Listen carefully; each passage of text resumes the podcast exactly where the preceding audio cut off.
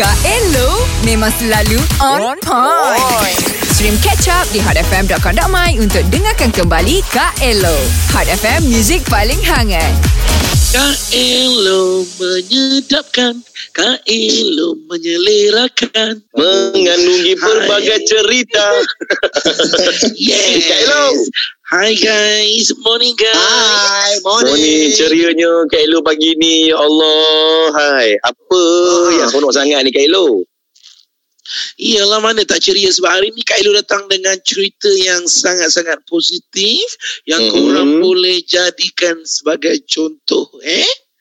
Okey Apa ceritanya? Apa ceritanya? Okey, baru-baru ni pasangan uh, yang memang kita tahu merpati dua sejoli kalau nak pergi joli mana-mana pun sesama uh, Mhm. menyambut ulang tahun perkahwinan mereka Fatah Amin dan Fazura menyambut perkahwinan uh, ulang tahunnya yang ketiga so Alhamdulillah. eh.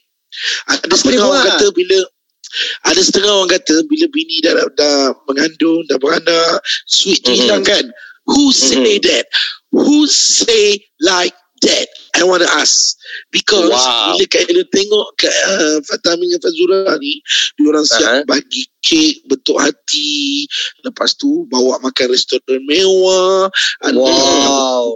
bunga putih Hmm. Ah, So sweet Lepas tu ada Eh. gambar Macam Fatah Amin Nak gigit pipi Fazura Alah, Oh. alah, alah. Manjanya lah, sweetnya. Eh, macam dulu Kak Elo, uh, antara kenangan anniversary lah dengan Datuk tu macam mana? Ada tak? Ingat, yang teringat betul lah. Ada tak? Ah, Uh. Adalah sekali Masa tu Anniversary kita orang yang kedua Yelah Kita orang pun tak tahan Hmm. lama Kita orang bertahan Hmm. Dua tahun Tiga bulan je So Siapa yang tak tahan lama? Siapa yang tak tahan lama Kak Elo? Tak hubungan Hubungan tak Hubungan, tahan oh. Apa Ah, eh Jadi Masa Dua tahun tu Hmm. Datuk dah mula tunjuk belang lah Datuk dah ah. Datuk dah jarang balik Datuk dah jarang balik Alah. so, Aduh, kesiannya. Habis tu anniversary hai. dia sambut macam mana Kak Elo? Macam mana dia sambutnya?